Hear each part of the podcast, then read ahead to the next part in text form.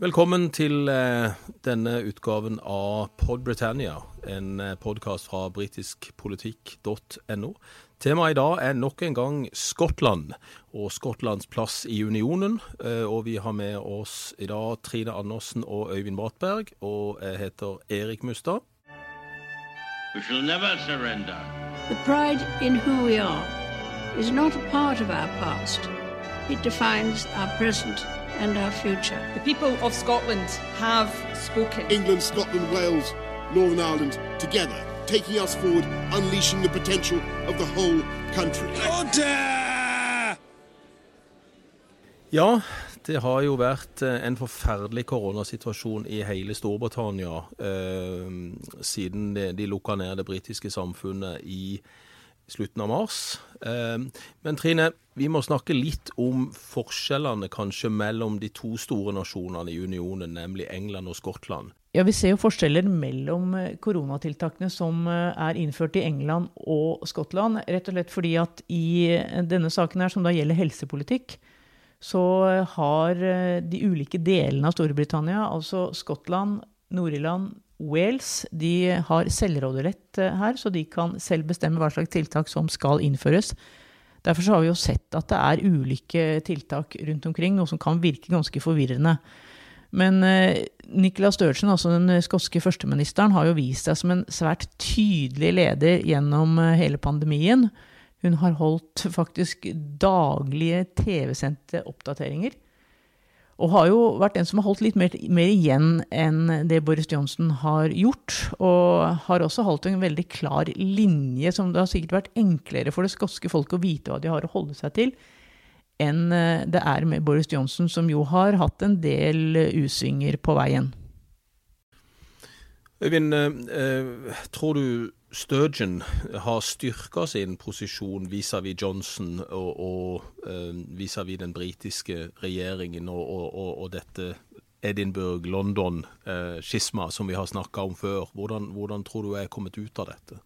Jeg tror utvilsomt den er styrket, og det handler jo, mye av det handler jo også om personlig appell. Sturgeon har jo her noe til felles med andre regjeringssjefer som uh, Du kan gå, gå, til så forskjellige land som New Zealand og, og Danmark, som også har kvinnelige statsministre som har, har fremstått med en, sli, med en, sånn kombinasjon av medmenneskelighet og kompetanse, i hvert fall inntrykk av kompetanse, som har vært veldig godt egnet til denne situasjonen. Hvor, hvor de faktisk gir inntrykk av både å å, å bry seg eh, dypt og inderlig, og samtidig vite hva de snakker om, og ha en, en, god kontroll med og oversikt over den forvaltningen som forsøker å, å håndtere koronakrisen.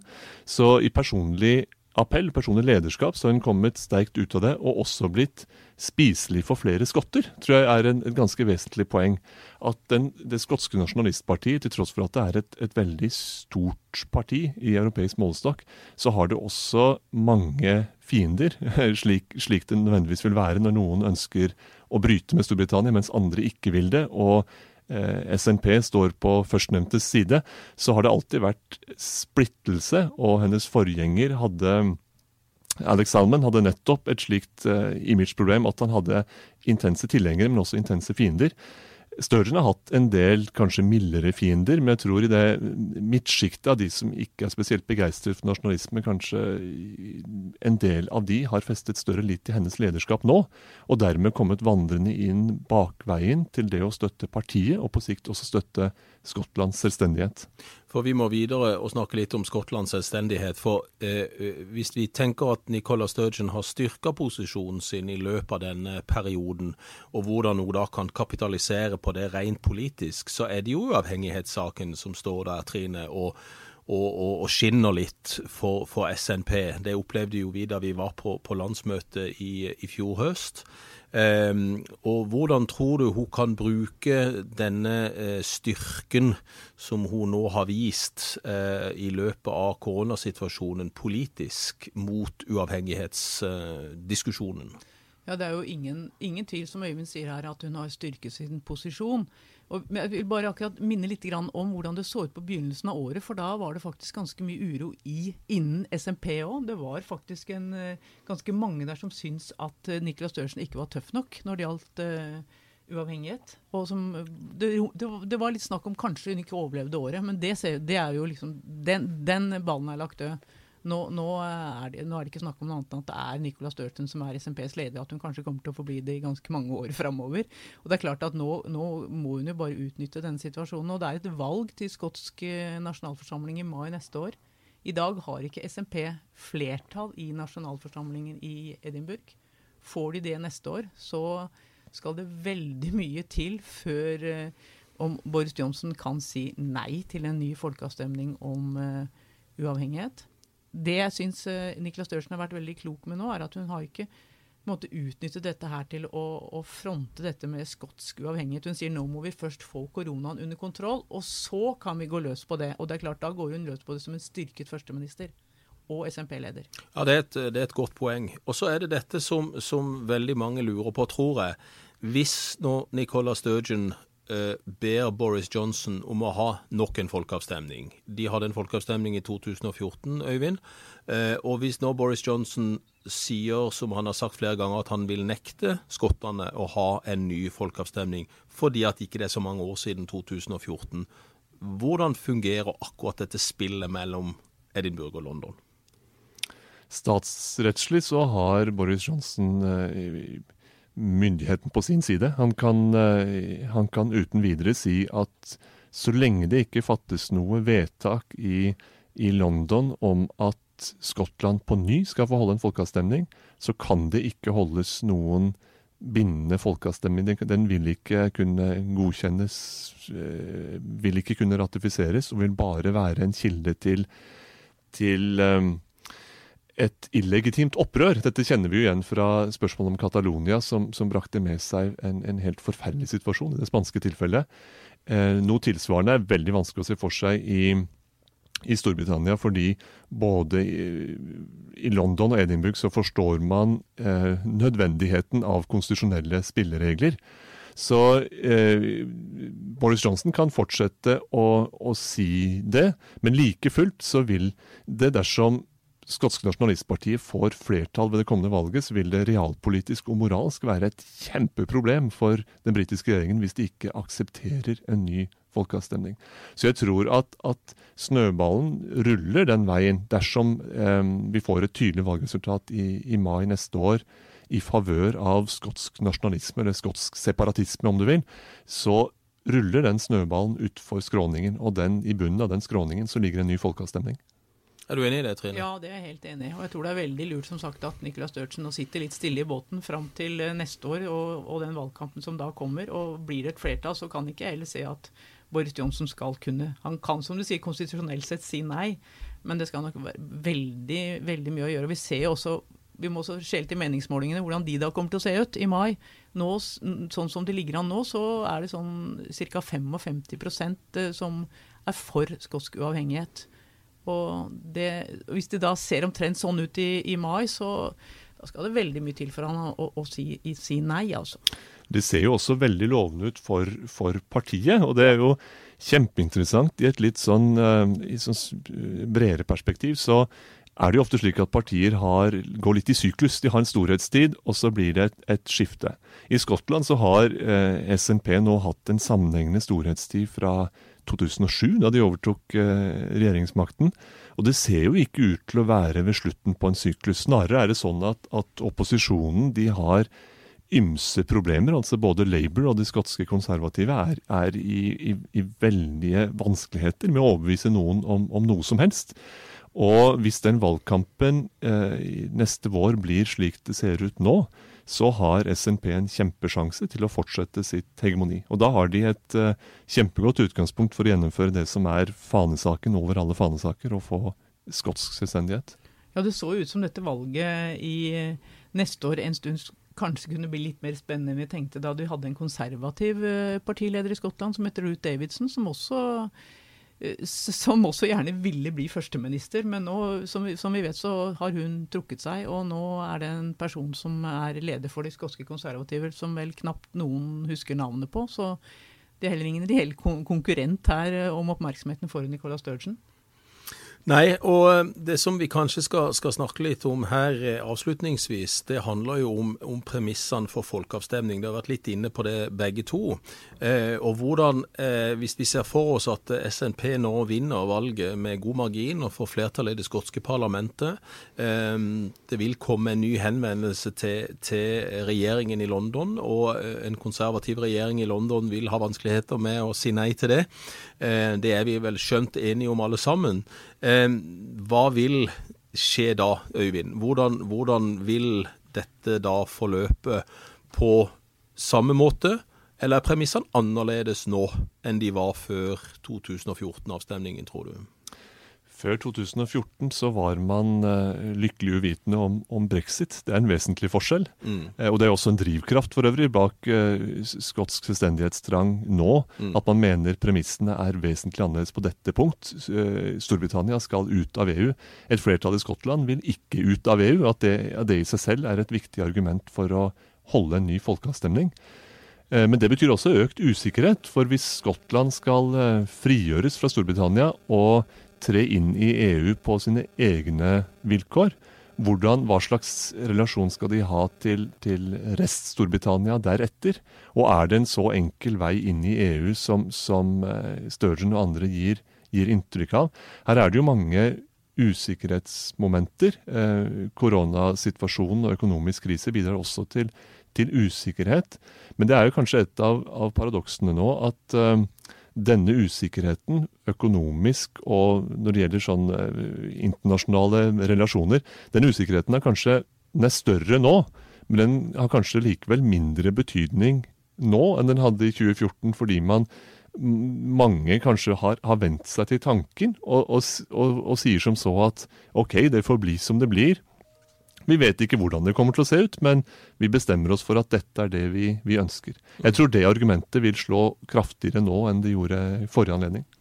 Ja, og Det vil jo bli veldig spennende å se hvordan det kommer til å se ut. da, Som du sier, hvis det blir et flertall for løsrivelse. Og så får vi en grense på, mellom Skottland og England. Hva skjer i Nord-Irland?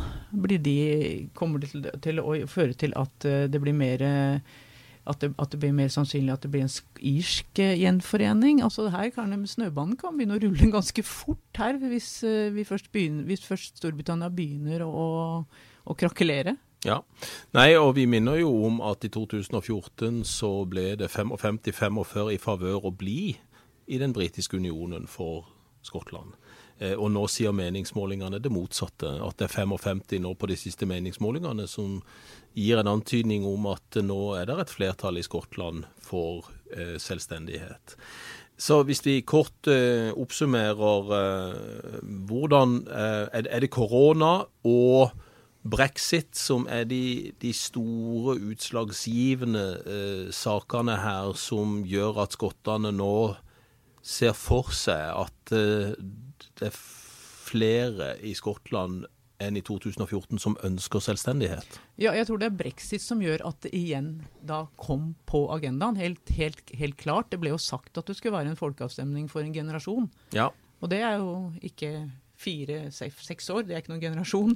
Så, så, det var vel grunnen til at det kom på agendaen igjen. Og så har det blitt forsterket da, gjennom det som vi har sett har skjedd under koronaen. Så ja, begge deler. Så det at det er en konservativ regjering, Øyvind, i Uh, jeg holdt på å si Det hvite hus, men det er det ikke i Downing Street.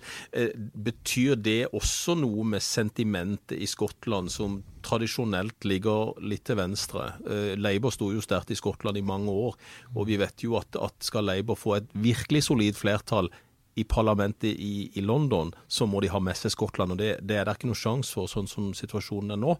Men er det antikonservative sentimenter i Skottland som også kan drive denne uavhengighetssaken mot et flertall? Det er iallfall et veldig effektivt fiendebilde for Nicola Sturgeon og hennes allierte eh, å se til Boris Johnson og andre veldig engelske politikere med et annet verdisett, en annen sosial bakgrunn osv. Så, videre. mm. så lenge de hadde Ruth Davidson som, som de, de, konservative partiets eh, leder i Skottland, så kunne man stagge litt den, den, utviklingen. Nå finnes det ikke noen sånn skikkelse, og da er det, da er det fort et, et skred eh, bort fra noen form for skotsk konservatisme og en, en samling om Sturgeons fane. Eh, og den utviklingen er ikke lett å, å, å bremse. Nei, og Det sies jo også at, uh, at, Boris Johnson er den mest upopulære britiske statsministeren blant skottene siden Margaret Thatcher. Men forskjellen er at de respekterte Thatcher, men det, de respekterer ikke Boris Johnson. Hva, hva, er grunnen til det, tror du? Det tror jeg vel at de oppfatter uh, Boris Johnson som en langt mer useriøs politiker enn eh, Thatcher. Thatcher sto jo altså Selv om du var uenig, så visste du hva Thatcher sto for. Det er ikke like lett å få tak på Boris Johnson. Men Kan en del av det også, Trine, være at på 80-tallet så hadde du ikke noen skikkelser som Salmon eller Sturgeon som, som har stått veldig sterkt i Skottland? Eh, du hadde skotske politikere da også som, som var populære, men kanskje ikke så populære som disse to? Nei, det tror jeg absolutt du har rett i. Det kan sikkert Øyvind si litt mer om. Du har det, det, det, det fantes nok ikke de samme eh, skotske samlingspunktene da. Eh, og en annen side av saken er at de skotske samlingspunktene som er nå, de er, eh, de er jo Edinburgh. De er jo, det er jo knapt nok noen, noen vesentlig skotske politikere i London. Altså det, det er en veldig synlig arena. Det skotske parlamentet i Edinburgh er en, en, en synlig og troverdig arena. Det er Skottlands egen forsamling. Ja, og det kom jo først i 1997. Så den gang fantes jo ikke, ikke den folkeforsamlingen. Det har du jo helt rett i, selvfølgelig. Og Da kan vi jo gå tilbake igjen og se på det konservative partiprogrammet fra 1997, da Tony Blair ble valgt. Da ønska jo ikke det konservative partiet å uh, gå for desentralisering. Altså folkeforsamlinger i Wales og i Nord-Irland, og et eget parlament i Skottland. For de var redd for nettopp denne uh, uavhengighets tanken og at dette frøet skulle bli sådd i et skotsk parlament. Så eh, hvis vi ser i bakspeilet igjen, så kan vi vel si at eh, det hadde de rett i på det tidspunktet. Det kan du godt si. Eh, ambisjonen med å desentralisere var at man skulle gi, gi dem en måte, gi en ny balanse, og så tro at man kunne bli stående der. Det var iallfall eh, Blair og hans regjerings idé om dette her. Eh, men så har det tvert om blitt et, et springbrett til å ønske full selvstendighet for ethvert vesentlig andel av skotske velgere og politikere. Men Labours vedtak ble vel da gjort i en tid hvor Labour sto sterkt i Skottland? Det gjorde de. Det gjorde de absolutt. Og de, de, kunne da med en viss troverdighet si at nå skaper vi et, et, et, en arena for skotsk politikk som er pent sammenføyd med eh, vår felles britiske arena. Og vi har skotter begge steder, og vi hører sammen som familie. Eh, I dag er ikke den familieidyllen like overbevisende. Og Skottland har en svært karismatisk eh, førsteminister som vi kommer til å få se mye mer av framover. Ja, og vi her i Britisk politikk vi følger selvfølgelig eh, alle disse eh, sakene videre, og følger Skottland, som vi har eh, en, en, spesiell forkjærlighet for. Så følg med på britiskpolitikk.no og i podkaster frem mot valget i mai i 2021. We shall never surrender. The pride in who we are is not a part of our past. It defines our present and our future. The people of Scotland have spoken. England, Scotland, Wales, Northern Ireland, together, taking us forward, unleashing the potential of the whole country. Order!